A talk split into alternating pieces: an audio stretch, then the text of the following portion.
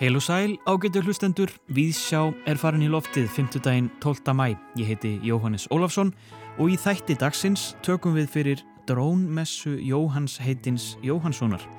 Framlag Serbíu í Eurovision, snert af landslægi og við segjum einnig frá handhafa nýra ratta, handrita samkeppni fórlagsins sem tilkynnt verður um nú á eftir.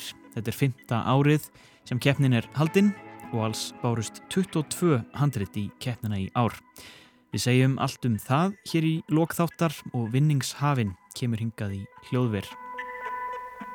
Ólaf Gerður Sigfúsdóttir, myndlistagagreinandi hér í Víðsjá, ætlar að fara með okkur á síninguna Snert af landslægi sem er vinnutitill yfirstandandi doktorsverkefnist hinnu Gunnarsdóttur og síningar í Hafnarborg þar sem áhersla er lögð á að virkja fagurfræðilega upplifun í landslægi sem afl til umbóta.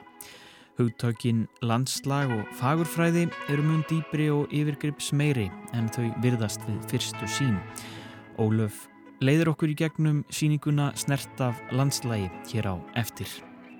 Og við fjöllum líka um tónlist. Við heyrum af drónmessu Jóhanns heitins Jóhannssonar tónskálds en þetta verk Jóhanns sem var frumflutt í New York árið 2015 er nú loks komið út á nýri útgáfu frá útgáfu fyrirtækinu Deutsche Grammophon. Þar eru það strengja kvartett úr bandaríska tónlistarhóknum Acme og kórin Theater of Voices sem flytja verkið undir stjórn Pauls Hillier. Við heyrum af drónmessunni í dag sem er að hljóta góðar viðtökur í þessari nýju hljóðritun.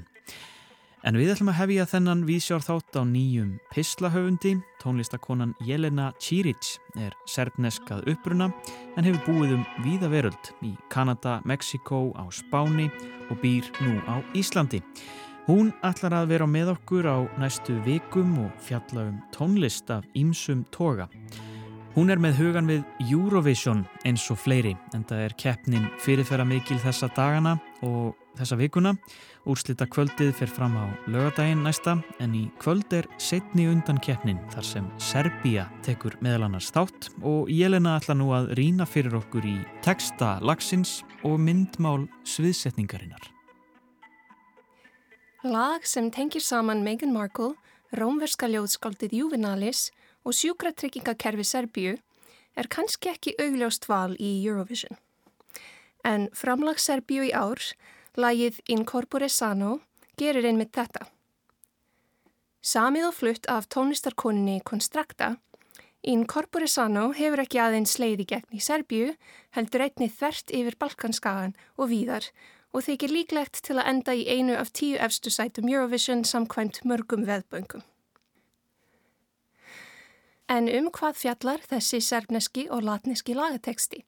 Hvað afhjúpar hann um Serbju og nútíma samfélagið sem við erum öll hluti af? Og af hverju er sviðsætningin þrjár mínutur af handfótti?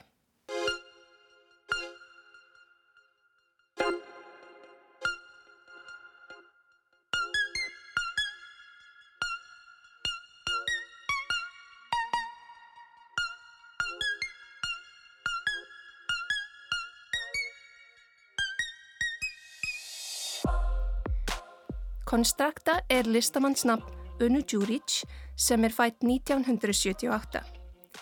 Anna vakti fyrst aðtikli sem aðalsöngkona hljómsveitarinnar Zemlja Grúfa sem var stopnuð árið 2007. Hljómsveitin tók þátt í serbnusku undankeppninni fyrir Eurovision árin 2008 og 2009 en komst ekki áfram. Sóloferill Önnu hófst árið 2019 þegar hún gaf út fyrstu smá skífu sína undir nafninu Konstrakta lagið Žvake eða Tyggjó. Hún hafði áður samið fyrir semja grúfa en fyrstu lög hennar sem konstrakta síndu strax nýja skarpari rödd þar sem samfélagsrýni var í fyrirúmi.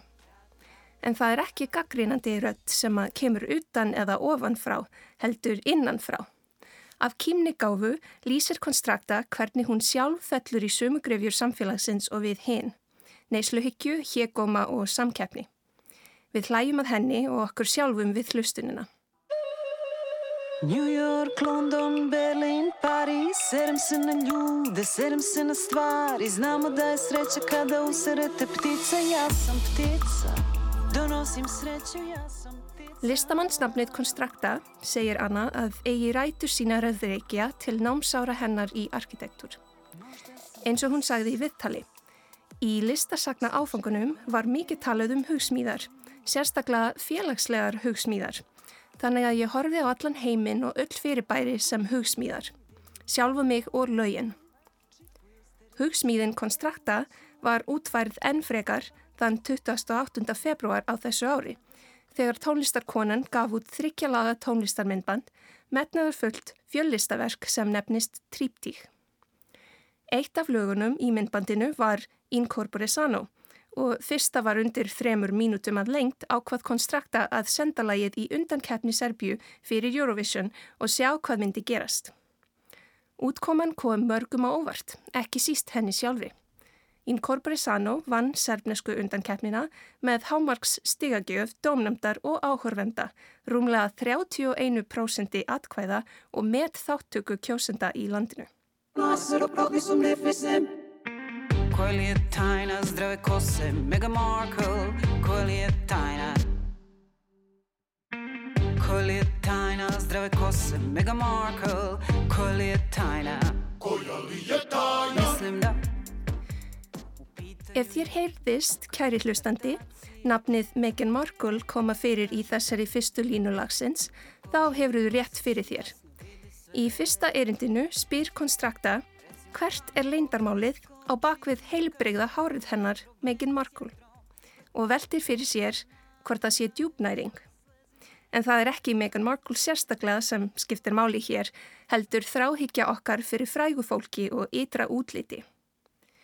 Fleiri lagatekstar konstruktu eru eins og þessi innblásnir af tímaritsgreinum sem lofa fólki og sérstaklega konum að það verði fallegt bara ef það gerir svona eða hins einn. Meira segja það að hugað innri líðan okkar og helsu verða aðeins leiðir til að tryggja fegurð. Því eins og segir í lagatekstunum það sést allt á húðinni og hárinu. En þá komum við að viðlæginu. Umetica mora biti zdrava Biti zdrava Biti zdrava Biti zdrava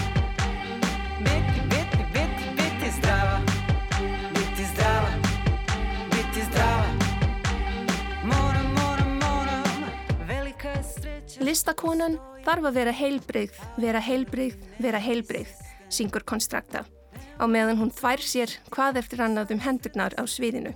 Táknum samfélag, heltekið heilsu og hreinleika og óþægileg áminning um síðustu tvö ár í lífi okkar allra.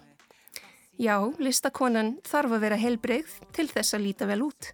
En það er ekki svo einfalt ef hún hefur ekki sjúkratryggingu, staðreint sem konstrakta tekur fram um sjálfa sig í lagatekstanum. Þó Serbia sé með almennt sjúkratryggingakerfi, þá eru margir í landinu sem falla ekki undir það. Sjálftætt starfandi listamenn, fólk sem vinnur svart og nokkur hundru þúsund mann sem tilheyra Rómasamfélaginu til að gefa nokkur dæmi. Faraldurinn allir svo miklu álægi á helbriðiskerfið í landinu að öll venjuleg þjónusta fjall niður. Aðeins var hægt að leita til enga sjúkrahúsa sem fæstir íbúar hafa efni á.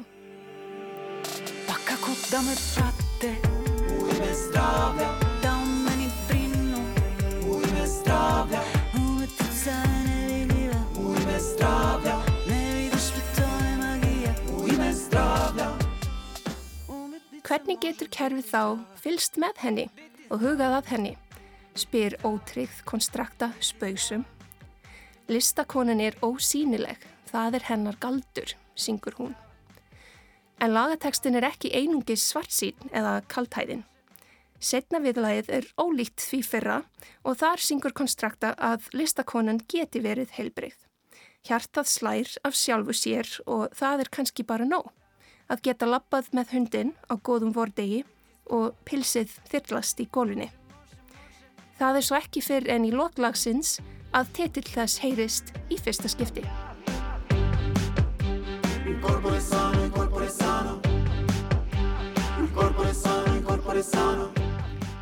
Margir hlustendur kannast eflaust við línuna Mens sana in corpore sano sem rómverska ljóðskáldið Juvenalis skrifaði. Hún hefur verið þýtt á íslensku sem heilbreyð sál í hraustum líkama. Í læginu hins vegar syngur konstrakta Mens in firma in corpore sano, veiksál í hraustum líkama og Animus tristis in corpore sano, sorgmætt sál í hraustum líkama. Og söngkonan endarlægið líkt og hún hóð það á spurningu. Mens in firma in corpore sano, animus tristis in corpore sano, mens desperate in corpore sano, mens contrarite in corpore sano. Og hvað gerum við svo? Já, hvað gerum við í samfélagi sem hugar að líkamannum en gleymir sálinni? Þess konar spurningum var Juvenalis einmitt að leitast við að svara þegar hann skrifaði þessa frægu ljóðlínu. Juvenalis var eins og konstrakta að gaggrina samfélagið í kringum sig, hið rómverska samfélag sem hann sagðist sækjast fyrst og fremst eftir brauði og leikjum, eða panim et circenses. Línan men sana in corpore sano kemur úr ljóði sem í lauslegri íslenskri þýðingu er teitlað Raung þrá er rót þjáningar. Í ljóðinu hvetur juvenalis menn að hætta að byggja um langt líf og byggja frekar um sál sem óttast ekki dauðan, getur þólað hverskins þjáningar, þekkir ekki reyði og þráir ekki neitt. Þetta allt, segir skáldið, er þú fær um að gefa sjálfum þér, því digð er leikillin að frisælu lífi. Við munum svo sjá í þessari viku hvort hún er einnig líkillinn að Eurovision. Sagði Jelena Čírić, nýr pislahöfundur hér í Vísjá. Hún ætlar á næstu vikum að opna huga okkar fyrir ímiskonar tónlist. Þarna hitaði hún aðeins upp fyrir undankvöld Eurovision sem fer fram í kvöld með því að segja okkur frá texta og myndmáli serbneska atriðsins. En næst er það myndlistinn Við höfum ekki alveg sagt skilið við Hönnunarmars sem laugum síðustu helgi. Þar voru ótal síningar og viðburðir í bóði og Ólöf Gerður Sigfúsdóttir var á ferðinni og hún teku nú við. Einn þessara síninga hefur nú staðið upp um þó nokkurt skeiði í Hafnarborg, menningar og listamöðstöð Hafnafjörðar, en þar sínir vöruhönnöðurinn Tinna Gunnarsdóttir verk sínundir yfirskriftinni Snert á landslægi, 66 gráður norður og 18 gráður vestur, en hún er einnig profesor við hönnunadelt Listaháskóla Íslands. Mörg dæmi er um viðbyrði undafarið þar sem flókin tengsl manns og náttúru eru tekin til ganggerar skoðunar og endur skoðunar, hvort sem er af listrænu, fræðilegu eða pólitísku tægi. Hönnuðir hafa á undaförnum árum ekki síst gert þessi tengslað viðfangsefni sínu eins og síningin snert á landslægi ber vitni um. Sýningin er sambland af eldri verkum tinnu allt frá tíunda áratugnum og nýri verkum þar sem hún tekst á við náttúruna, upplifun okkar og umgengni við hana á einn eða annan hátt. Sum verkana eru hefðbundin hönunaverk sem búin eru til með skýran tilgang eins og til dæmis snagar, blómakir eða bekkir fyrir heimilið og gardin meðan önnur sitja einhver staðir í bílinu milli listhlutar og hönunarhlutar og eiga fremur heima einhver staður út í móa, ofan í læk eða upp á kletti. Dæmum þetta eru verk sem Tinna hefur þróið í tengslum við vettvangsrannsókn sína á umhverfi hjeðinsfjörðar á Tröllaskaga sem tengist doktorsnami hennar í menningafræði við Háskóla Íslands. Þar skoðar hún landslagshuttakið með aðferðum hönnunar og framkvamir svo kallaða hönnunardreifna rannsókn á þessum tiltekna stað. Í slíku ferli verður til þekkingarsköpun í gegnum hönnunaferlið sjálft þar sem tilraunir, staðfræðilegar kannanir og prófanir með efni líka til grundvallar. Þannig verður til nýr skilningur sem byggist upp af gagnvirkum tengslum rannsakandans og umhverfisins þar sem samtímis er tekið tillit til hins mannlega og hins náttúrulega. Hjeðins fjörður er eigðifjörður og því má segja að Tinna hafi valið sér tiltölulega ósnert landslag til að snerta á. Í gegnum rannsórnaferðlið hefur hún hannað hluti sem liðka til fyrir veru hennar í fyrðinum ánþess þó að þeir stingi of mikið í stúf eða raski landslæginu. Þannig verða hönnunarleg yngripp hennar að eins konar sambíli millir hlutarins sjálfs og fjörðarins. Þetta má glögt sjá á verkum eins og árstafir, stangir úr rafhúðuðu áli og riðfríu stáli sem notaður eru sem stöðningur til að vaða yfir ár og til að merkja vöð. Lækjarbolli, ílát til að drekka vatnúr sem unniður úr silfri eða stiklur stórir steinar sem komið hefur verið fyrir í tiltekinni á svo hægt sé að komast yfir hana þurrum fótum. Einnig má nefna verkið miðpunktur, stóran pinna úr harðvið sem stungið hefur verið niður í þúfu á stíningargólfinu, áhugavert verk sem vekur upp spurningar um hvað það þýðir að merkja sér stað og hvernig við öll búum okkur til viðmiðunarpunta, hvort sem er í raunheimum eða hinnum stafræna heimi. Það skýtur ónýttilega skökku við að horfa á þessa hönnunarhluti inn í ráum síningarsal á listasafni, fremur enn í því náttúrulega umhverfi sem þeim er ætlað að dvelja í. Enga síður vekja þeir áhörfandan til umhugsanar um gagvirk tengsl okkar við landslag og náttúru og með ímyndunaraflinu er auðvöldlega hægt að hugsa sér tífandi læk eða fugglasöng utan alfarar leiðar.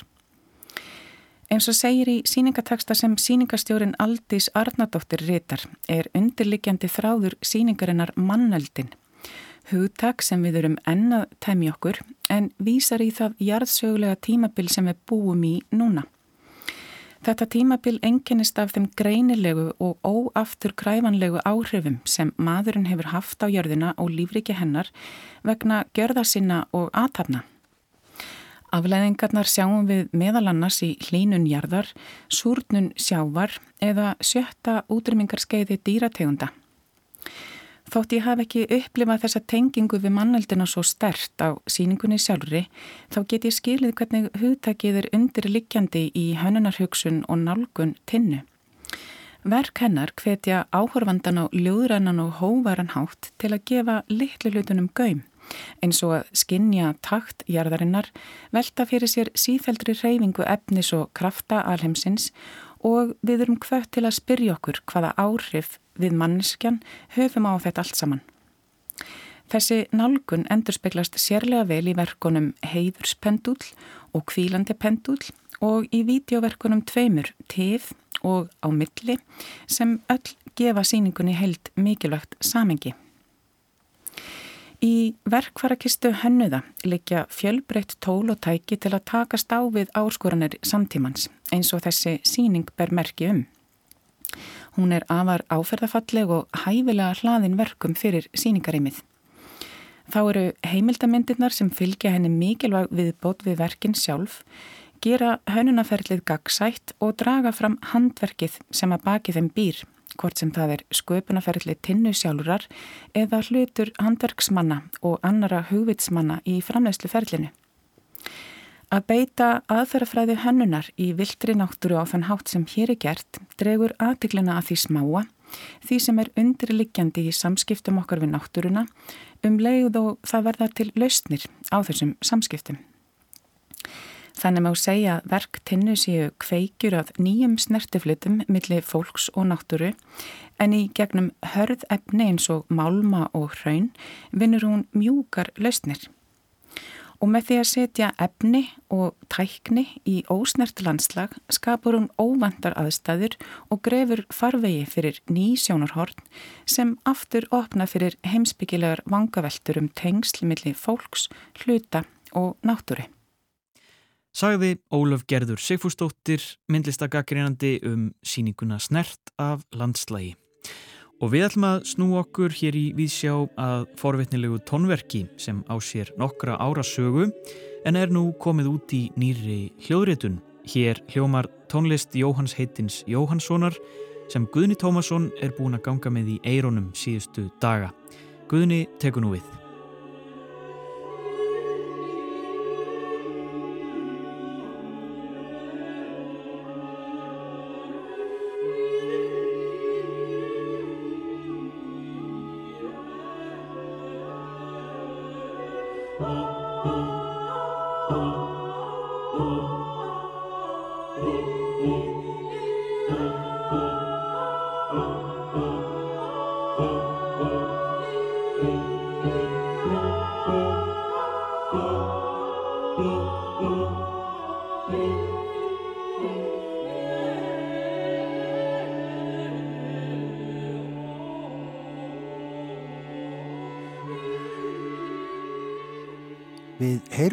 Upphafið á fyrsta þætti ansi Magnans tónverks en að nú er komið út í nýri hljóðrutun eftir nokkuð langa og stránga fæðingu.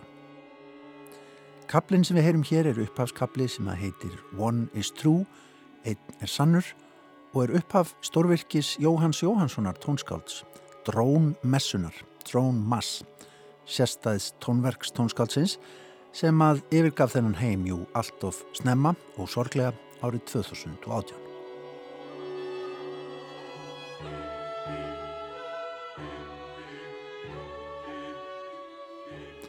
Drónmessu sinni lísti tónskáldið sem elektroakustískri samtíma oratorju. Það er að segja að í verkinu er blandað saman rafhljóðum og hljóðum hljóðfæra og mannleira ratta.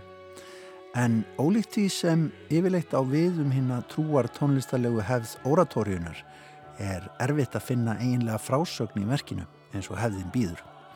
Þetta er eitthvað sem aðstandendur útgáðunar í dag klóra sér nokkuð í höfðinu yfir nú þegar Jóhanns nýtur ekki lengur við.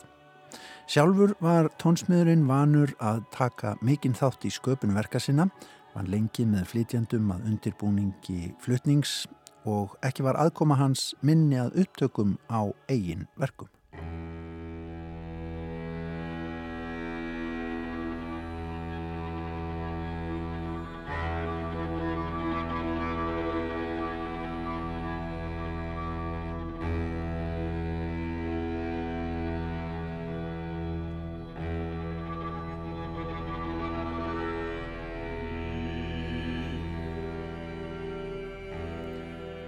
Drónmessan var frumflutt árið 2015 í New York. Það var bandaríski samtímatónlistar kamerhópurinn ACME, American Contemporary Music Ensemble, sem getur stækkað og mingað eftir atvikum, sem að pantaði verkið og frumflutti það á sínum tíma á samt kór. Síðan kom hinn heimstækti kór Theatre of Voices aðflutningi verksins í Kraká í Pólandi, en hann leiðir breski kór og hljómsveitastjórin Pól Hillier, sem er búsettur í Danmörku og gerir að mestu leiti þaðan út. Það eru komin inn tíu ár síðan að samstarf þeirra Póls Hiljar og Jóhanns Jóhannssonar hófst. Þeir þekktu til verka hvors annars og hófu gæfurögt samstarf þó að stutt væri. Theatre of Voices söng kórverk tónskálsins á hljóritum og komað kveikmyndaverkefnum sem Jóhann tók að sér á borðið Arrival og síðar að hljóritun á tónlistinu úr leikritinu Englabörnum.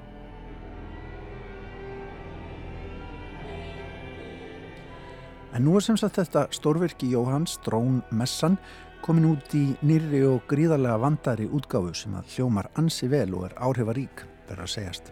Það er útgáfu fyrirtæki Deutsche Grammophon sem hefur gert verkum Jóhanns hátt undir höfði á síðustu árum sem að gefur verkið út. Verkefnið var í vinslu þegar Jóhann fjall frá og fjall þá vitanlega í dvala en ljóninn í veginum urðu fleiri, til dæmis heimsfaraldur sem að senkaði vinslu útgáfunar. Og nýju plötunni hefur verið tekið vel. Tónlistartímaritið Grammafón valdi hljóðritið til dæmis sem eina plötu mánadarins í nýjasta tölublaði sínu. Þar er meðal annars nefnt að drónmessan kunni að reynast krúnudjásnið í höfundaverki Jóhans þegar tilkemur.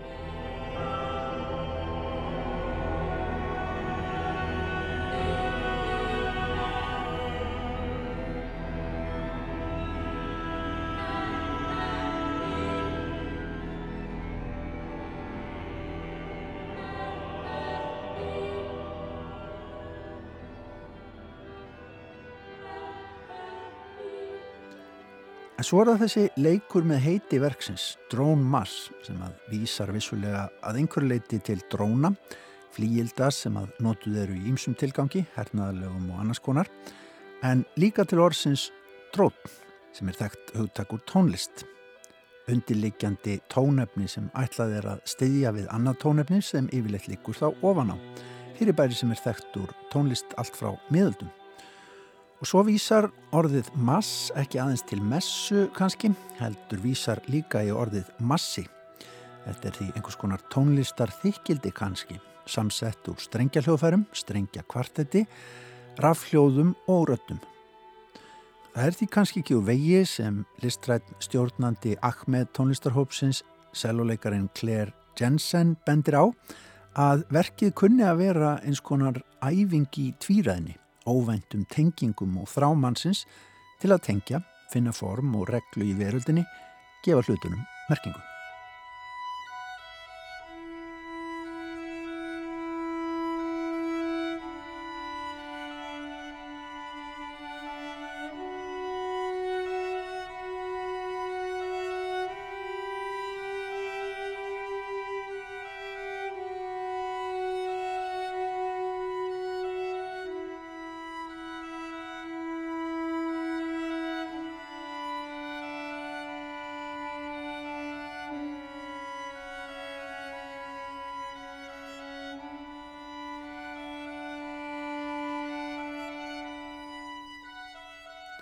Vissulega vissi Jóhann fyllilega af þessum tengingum öllum á sínum tíma. Vissi að í huga sumra sem að kæmu að verkinu snýrist það líklega frekar um dróna en undirleikjandi drón í tónlist. Og kannski frekar um messu en massa. Því að vissulega eru trúarlegar tengingar í þessu verki, apokrífískar tengingar yfir í forna menningarheima, um leiðu það er svif í þessari tónlist, eins konar flug úr samtíma okkar og yfir í fjarlaga framtíð kannski fjarlagar stjörnuþókur ef út í það farið. Það er fegur í þessu verki en það er líka aðstegandi ógn skilabóð um óvisa framtíð.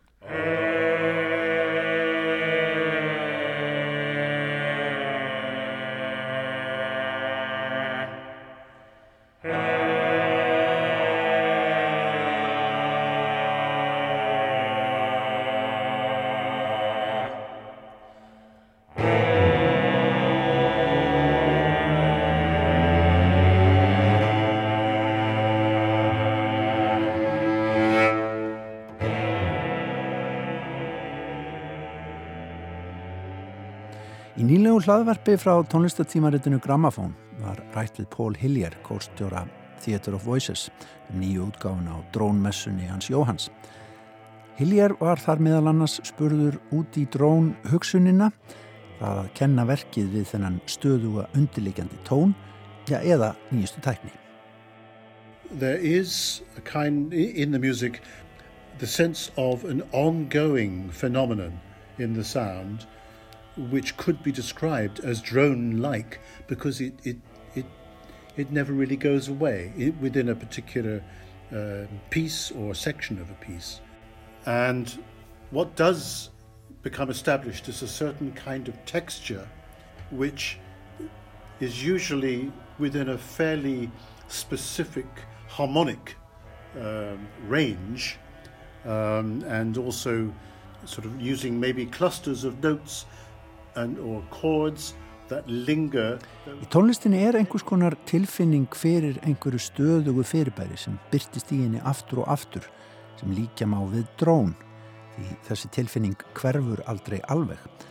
Þannig eru hljómar eða hljómaklasar, einingar í tónlistinni sem byrtast aftur og aftur og hverfa síðan flakka á milli ólíkra ratta. Það er einhver karakter í þessari hugsun sem að dvelur bara í tónvefnaðinum og kemur upp aftur og aftur þó hann sé ekki stöður. Þetta skapar ríka tilfinningu fyrir framvindu tónlistarinnar, segir Pól Hiljer. En varðandi tengingar við dróna, segir stjórnandin það miður að þeir tveir, hann og Jóhann, hafa aldrei náða að ræða sín á milli fyllilega um meiningu eða innihald verksins. We never really discussed the material. So I, I never knew what he thought he was going at, uh, going for, I should say.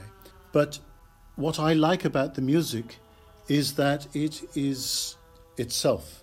It doesn't actually refer in any way that I can see to anything specific, nor, nor should it need to. Tónlistin vísar svo sem ekki í neitt. Það er ekki beint frásögn í þessari tónlist og hana þarf ekki til, segir Pól Hiljar. Og orð tónskáldsins sem að þarna sé á ferðinni samtíma oratória eru mér ráðgáta því að oratóriu hugtækið er jú nátengt frásögn í tónlistarsjóðinni sem ekki er að finna í þessu verki í Jóhans. En verkið umbreytist í formi á meðan það viðheldur gæðum sínum út í gegn og það er það sem er heillandi við þessa tónlist, segir Pól Hiljar í hlaðvarpsviðtali við tónlistartímaritið Grammafón.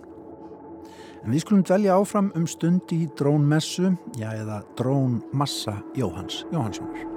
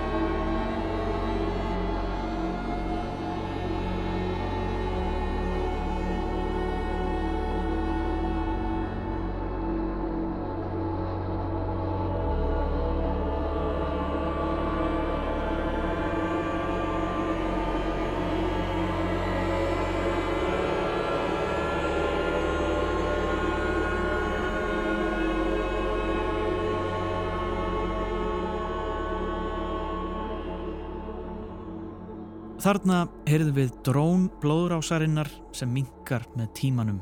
Þátt úr drónmessu Jóhans, Jóhanssonar sem Guðni Tómasson sað okkur frá en Guðni leði sér að fá að láni viðtalsbrot frá hlaðvarpi breska tónlistatímaritsins Gramofón þar sem rætt var við stjórnandaverksins Pól Hillier. En drónmessa Jóhans er komin út hjá útgáfi fyrirtækinu Deutsche Gramofón. En þá að glænýjum bókmentum. Nú í þessum töluð orðum er verið að tilkynna handhafa nýra ratta, handrita samkeppni forlagsins.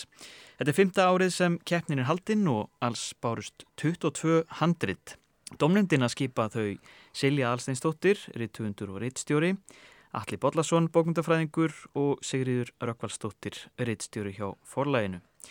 Og það er nokkuð örugt að tilkynna það hér að vinningshandritið í ár er bókin Getnaður eftir heiðu veikdísi Sigfúsdóttur og það vil svo til að hún situr hérna hjá mér í hljóðveri velkomin í Viðsjá Takk fyrir. og til hamingju með veluninn og bókina Já, takk hérlega fyrir. Hvernig, þú ert í svolítið galsa, sagður mér Já, já, já, já, já.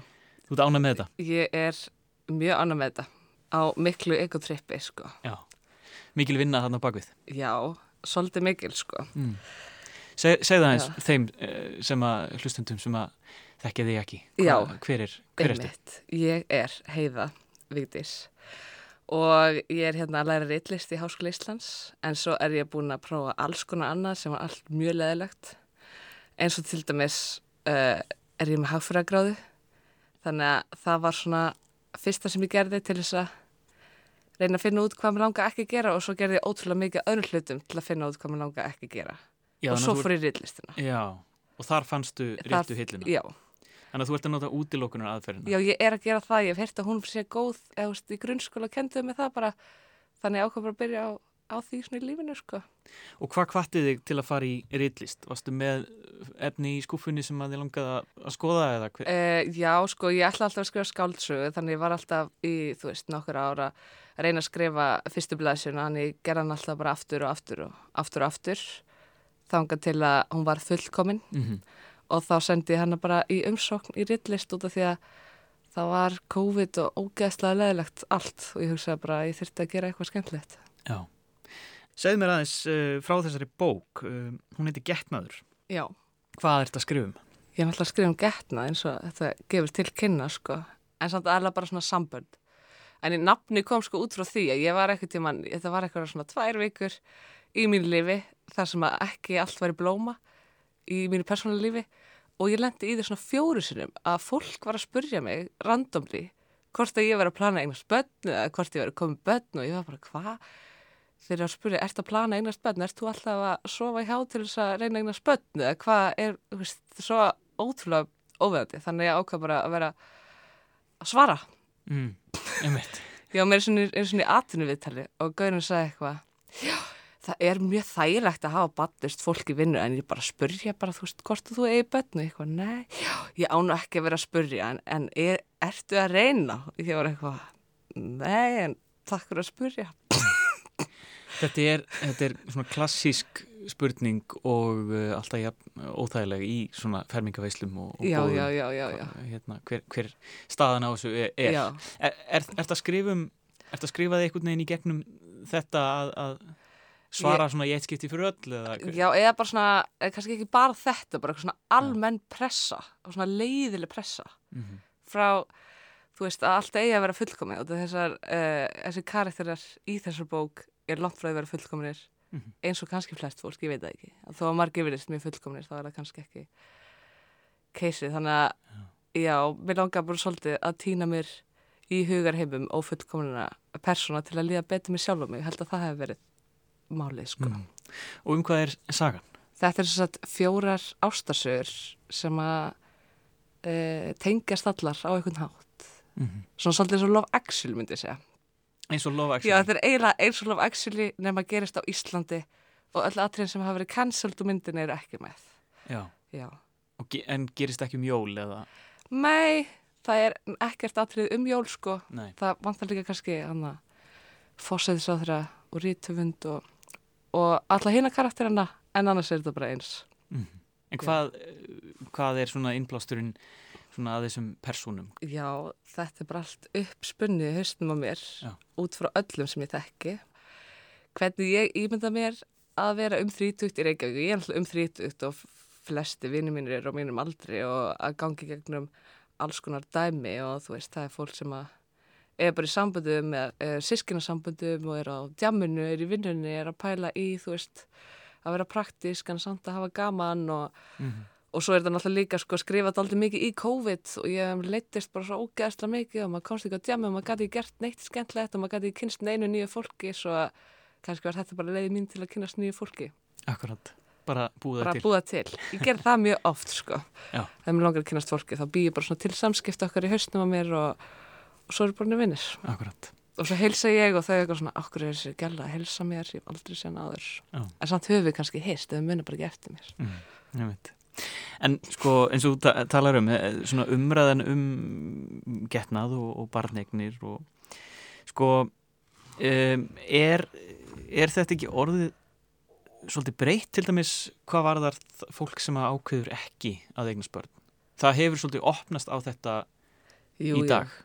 Örglega sko. Mm. ég veit ekki, eftir að skrifa þessu bókir er bara hægt að pæla þessu en jú, eða, það er fárlegt það sem að eina sem að pyrra mig sko ótrúlega mikið er að það er bara svo mikið að spyrja konur og gælur þessar spurningu en ég velti fyrir mig hvort að það sé alltaf verið að spyrja kalla eins og í aðrunu viðtali eða þess áttar, það myndi aldrei gerast. Það myndi aldrei aftra sko, þú veist, hérna einhverjum gaur á mínum aldri myndi aldrei aftur að honum svo hugsun hjá atvinnureikanda því að það er bara, það er bara þannig Mhm. að vera á barnægni og það er líka í bókinni svona sérna til dæmis það sem að uh, eitt karakter fyrir að kaupi neyðarpilluna og það, uh, þú veist, þetta er svo mikið, þú veist, í útlöndum heitir neyðarpillan ekki neyðarpillan heldur bara eitthvað the day after pill og, veist, og þetta er svo mikið sko, svo langt sinni ég fengi hann ég veit ekki alveg hvernig það er núna en það var alltaf, þú veist, allan að vera að spurja annars engin gaur sem fyrir því búið að kaupa neðapillina bara eitthvað, já, varst þú nota varnir? Ert þú meðvituð um kynnsjúkdómana sem að þú getur fengið, ert þú meðvituð um leghálskrabbamenn, maður eitthvað, auðvitað er ég meðvituð um þetta. Þú veist, það er búið að vera að segja stelpum þetta, endalust og þú veist, og, og þetta er bara allt náttúrulega bara að vera slött seima og líka með, þú veist, þungur róin þetta er náttúrulega bara svo mikið ábyrg sem fellur alltaf á konur. Það, það er svolítið uh, inntakið í þessari bók Uh, já, kannski, já, alveg að ykkur leiti, sko. En svo er þetta líka bara sögur á samböndum og það er náttúrulega óhjákvæmilegt að umræða um getna sé hérna hluti af því. mm Hvað, hvað er svona þinn innblástur í að, að skrifa? Ertu, ertu, ertu innblásin af ykkur sem þú lest eða, eða aðalega svona ykkur samfélags uh, tengdu? Já, ég myndi segja alveg svona samfélagstengdu. Ég var ekkert eitthvað ábúslega vel lesen þegar ég byrjaði í rillistinu, þannig að ég var fyrst alltaf með mjög mikla minnum að það kenn þegar fólk var að tala um einhverja heimsbókmæntir. En ég bæði hérna úr samfélaginu, bara alls svona samfélagsumrönni fylgist ég mikið með og, og bara, þú veist, mér finnst ótrúlega gaman að fólki og að fylgjast með því og svo horfum ég náttúrulega mjög mikið á sjónvarp og það er kannski uh, fæ mikið innblástur þar, sko Mm.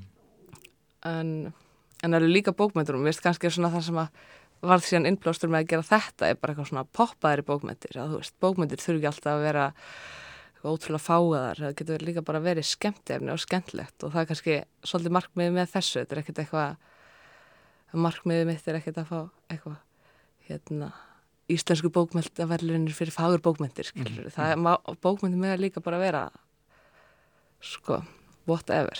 Já. Það er þinn stíl, myndir, myndir lýsa hana þannig? Ég myndi segja að minn stíl í bókmyndum væri svona whatever.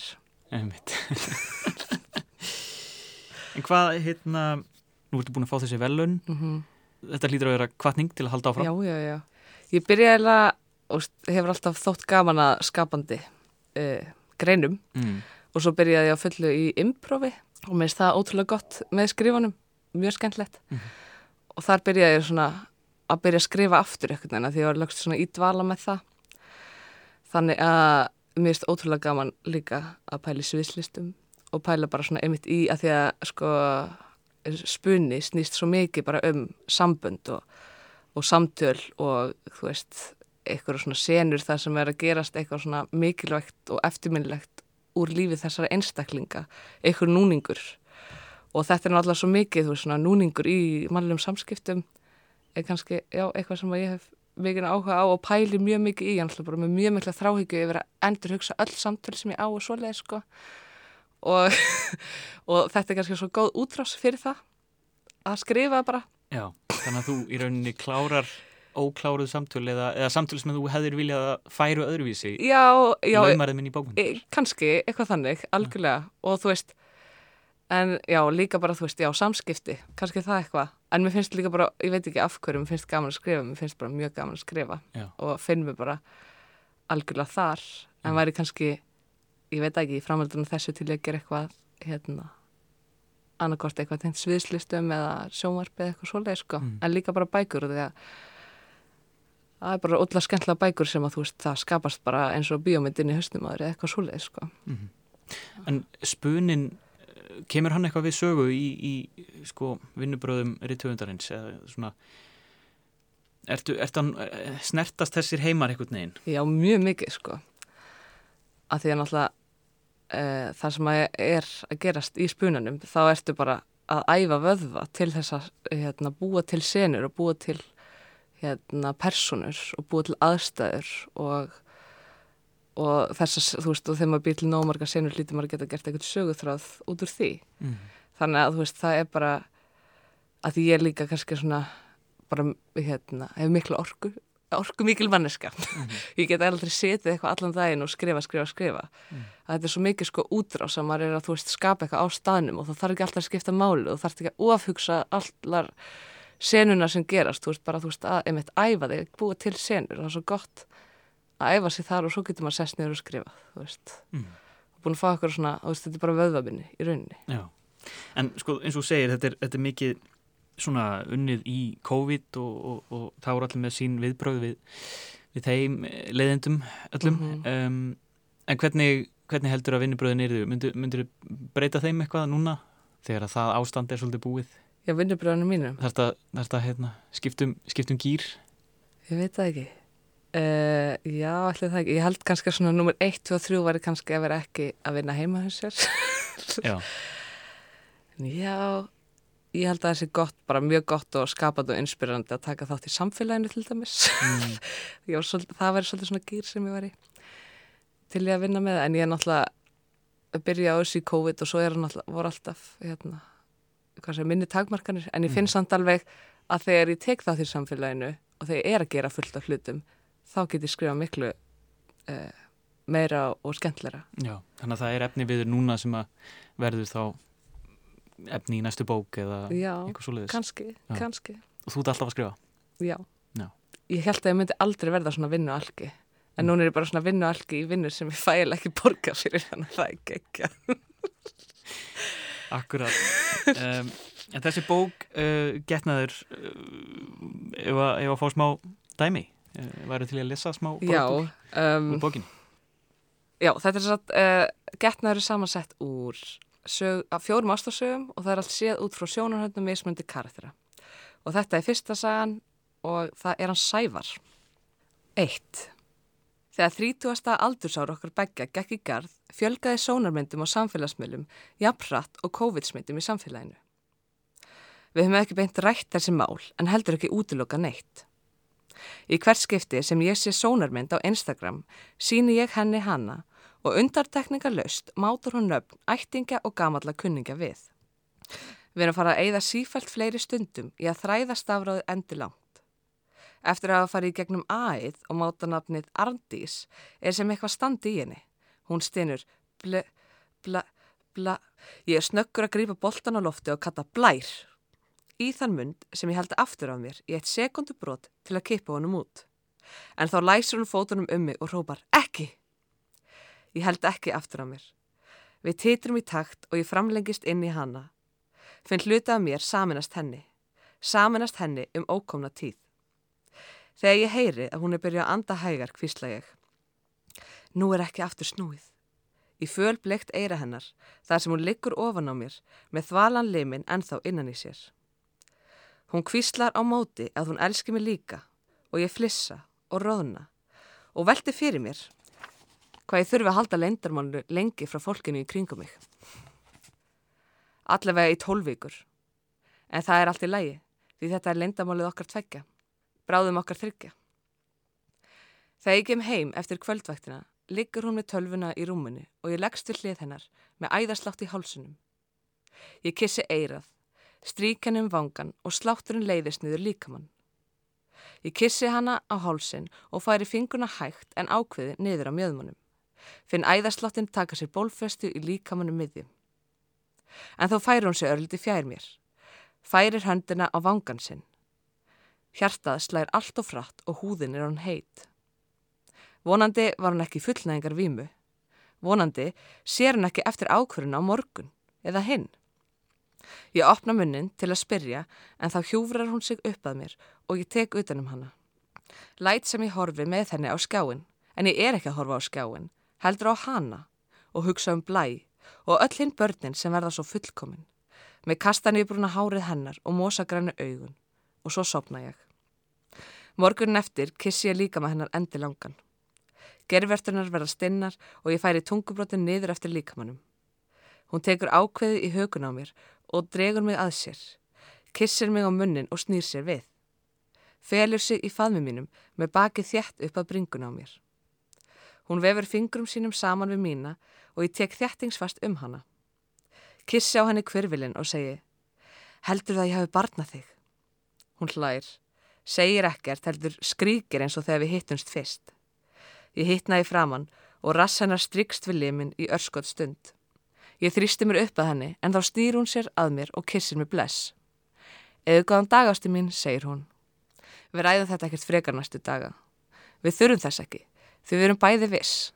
Ég er viss og ég finn á mér að hún er líka viss. Takk. Glæsilegt. Takk hjálpa fyrir þetta. Uh, Heiðavitis Sigfúrsdóttir, nýr handhafi nýra ratta hjá forlæginu. Til hafmyggju með bókina þína, getnaður og gangið vel í skrifunum. Takk hjálpa fyrir.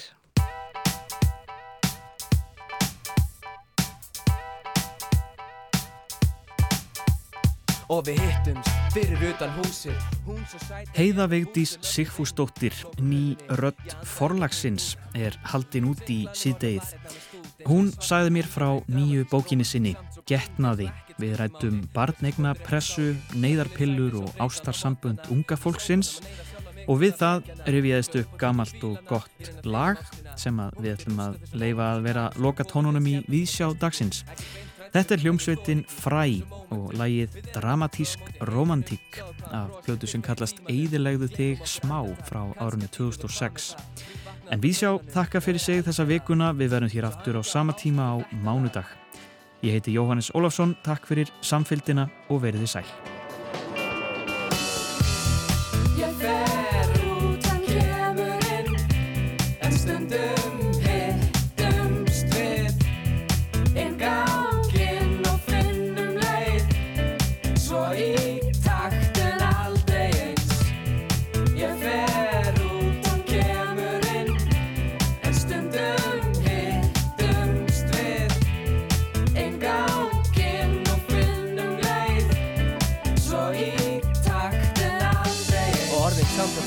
Þegar þú brosir með þeim Tótnin fallir frá þér. Og mér fyrst í sjálfu vera svo leim að get ekki brosið eitthvað fallega. Jafnveld þó sýnir mig þitt. Ég á svo sem ekki margt En þú far allt mitt. Varlega ít og eftir kossum Aðva hvort ég geti fengið leið. Þessi dagur kom tóksist ekki veit Enga flækinum að tilfinningar og við segjum ekki frá. Svo gott að geta brosa því okkur liggur ekkit á. Ekki tifið í klukkunum, ég suðið í tímanum. Tröflar frjá á þessum stundum. Svo gott að fela sér frá skildum Flýja tómleikan, hafa hvort annað á vandar tökum sem myrkur framkallar Byrtan frá þér afsannar að englar búa skígum Býðum mér svo hlýjan stað. Með brosun nýju dag og ég elska Ég elska það